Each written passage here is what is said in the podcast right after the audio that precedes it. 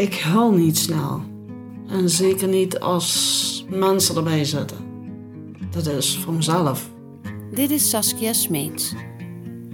Ze is de moeder van de 17-jarige Malika Radke, die om het leven kwam bij een eenzijdig ongeluk in Horst. Malika zat bij vrienden in de auto en ze kwamen net terug van een feest. De bestuurder reed veel te hard en raakte een opstaande rand. Als de politie bij Saskia aan de deur staat om het nieuws te vertellen, loopt haar hoofd leeg. Dan belt ze haar andere kinderen.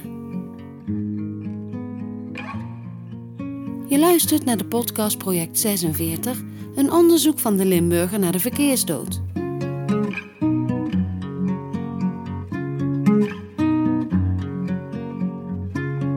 In deze aflevering Malika Radke uit Blerik. Ze is verliefd en ze heeft zin in het weekend met haar vriend. Ze kennen elkaar pas twee maanden, maar Malika Radke uit Blerik brengt het weekend bij hem door in Venray. Op vrijdag, het is dan de eerste week van de zomervakantie, appt ze haar moeder. Hoi mam, ik zie je zondag. En later nog, kun je chocola meenemen van de winkel? Malika is de laatste tijd veel van huis. Nu eens met vriendinnen op pad, dan weer met haar vriendje. Ze is een allemansvriend, een buitenkind. En ook dit weekend gaat ze met vrienden de hort op. Op zaterdagavond gaat Malika met haar vriend naar een verjaardag in Café De Lange in Horst. Malika kent de jarige pas een paar dagen, maar ze gaat mee. Die warme zomernacht gaat het mis. Op de terugweg van het café naar Venray in de vroege zondagochtend van 15 juli 2018 raakt de auto waarin Malika en haar vriend zitten van de weg. De jarige bestuurder rijdt veel te hard over de Venrijseweg en raakt met zijn wielen een opstaande rand. De auto begint te tollen en komt tot stilstand tegen een boom. Malika's vriend, die naast haar zit op de achterbank, en de bijrijder raken zwaar gewond. De bestuurder mankeert niets. De klap tegen de boom wordt Malika fataal. Ze is op slag dood. Het is dan 3 uur 21.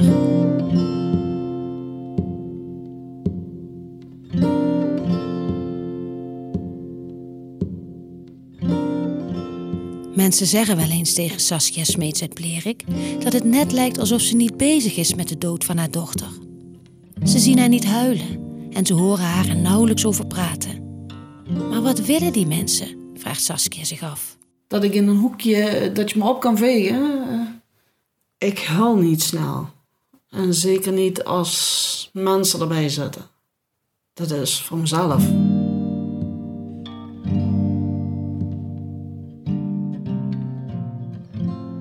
Die fatale zondagochtend hoort Saskia in de verte sirenes loeien. Zoals wel vaker als ze hulpdiensten hoort, kijkt ze even of er meldingen zijn via P2000, een openbaar alarmeringssysteem voor uitrukkende hulpdiensten. Ze is gewoon nieuwsgierig. Ik heb hier de ambulances en dergelijke gehoord. En dan kijk je op uh, P2000 en een keer van, hm, dat zijn er een boel die daar voorbij komen. En ja, dan kijk je, oh, Horst, ja, oké. Okay. Is niet Horst. Op dat moment denkt Saskia nog dat haar dochter veilig in Venray is en ze besluit naar bed te gaan. De hitte houdt haar die nacht wakker als ze buiten een auto hoort stoppen. Wanneer ze uit het openstaande raam kijkt, ziet ze twee agenten naar haar voordeur lopen. Of ze even naar beneden wil komen. Binnen vragen de agenten haar te gaan zitten. Malika is omgekomen bij een ongeluk, zeggen ze. Saskia klapt dicht. Nee, ik heb niks gezegd. Ik, uh, ik heb volgens mij alleen een keer gezegd van, uh, of gedacht. Ik weet niet of ik het hardop gezegd heb van... Uh, wat hebben jullie eigen kloot aan om dat te moeten vertellen? De agenten bellen ter ondersteuning een vriendin van Saskia die twee straten verderop woont. Later belt Saskia haar vier andere dochters om te zeggen wat er is gebeurd. Zonder veel woorden knalt ze het eruit. Malika is dood. Er is geen manier om het anders te vertellen. Dat, dat, dat, ja, gewoon eruit knallen. Die ochtend, rond half acht, mag Saskia naar het mortuarium. Ze moet haar dochter identificeren. En als ze één voet over de drempel zet, ziet ze het al. Ja, dat is ze.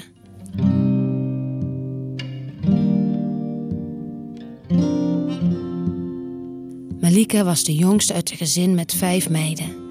Ze woonde nog thuis met haar moeder, haar zus en haar nichtje. School vond ze een noodzakelijk kwaad.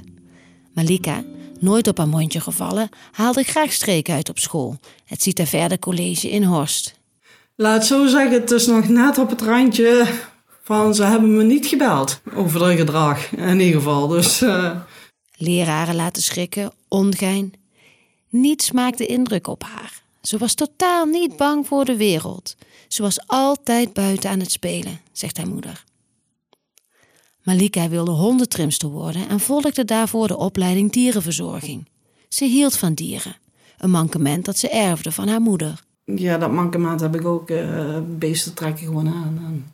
we beleven er ook niet vanaf. Tijdens haar stage bij een kattenopvang in Roermond stuurde ze wel eens foto's van poezen naar haar moeder.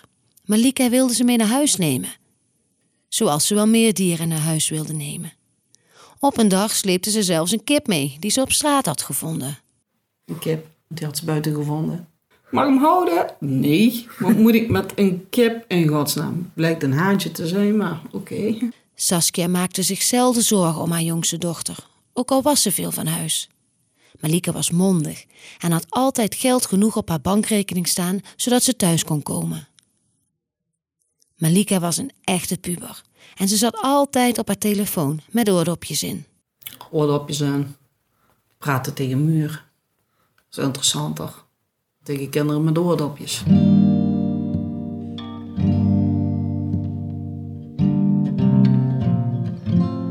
Soms krijgt Saskia een mailtje van Netflix dat er een nieuw seizoen beschikbaar is van een serie die ze met haar dochter keek. Krim bijvoorbeeld. Dat zijn van die onbenullige dingen die heel hard binnenkomen, zegt Saskia. En als ze in de supermarkt loopt, denkt ze aan de appjes die haar dochter haar bijna dagelijks stuurde. Eten we dit of dat? En kun je dit voor me meebrengen?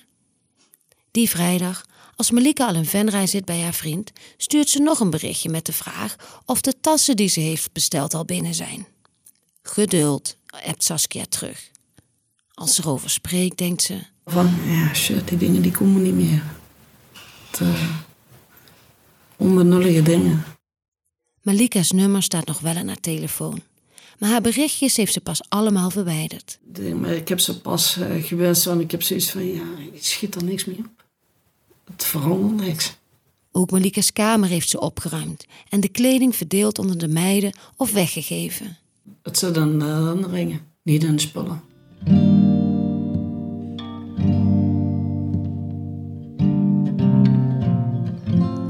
Alles wat Saskia op het internet over het ongeval kon vinden, heeft ze gelezen. Ieder nieuwsbericht, iedere reactie op Facebook. Het gaat over haar kind. Ze moest het wel weten. Ze heeft haar dochter door al die berichten nog beter leren kennen. Vooral dat ze sociaal gezien heel gemakkelijk was. Op 17 oktober 2019, één jaar en drie maanden na het ongeval, komt de zaak voor de rechter. Het heeft veel te lang geduurd, vindt Saskia. Dat is gewoon onzinnig. Geen idee waarom het zo lang duurt. Tijdens de zitting laat Saskia haar slachtofferverklaring door haar nicht voorlezen. Zelf krijgt ze het niet over haar lippen. De rechter legt de 19-jarige bestuurder een onvoorwaardelijke celstraf op van 10 maanden. Veel meer dan de 240 uur taakstraf en 6 maanden voorwaardelijke celstraf die justitie had geëist. De opgelegde straf is een behoorlijke, zegt Saskia. Enerzijds denkt ze. het is en blijft toch nooit genoeg. Maar anderzijds vraagt ze zich af. Ja, moet je dan de rest van je leven een bak in? Schiet je daar wat mee op? Krijg je dan mee terug? Saskia baalt dat de bestuurder in hoger beroep gaat. Nu duurt alles nog langer. En ze wil verder.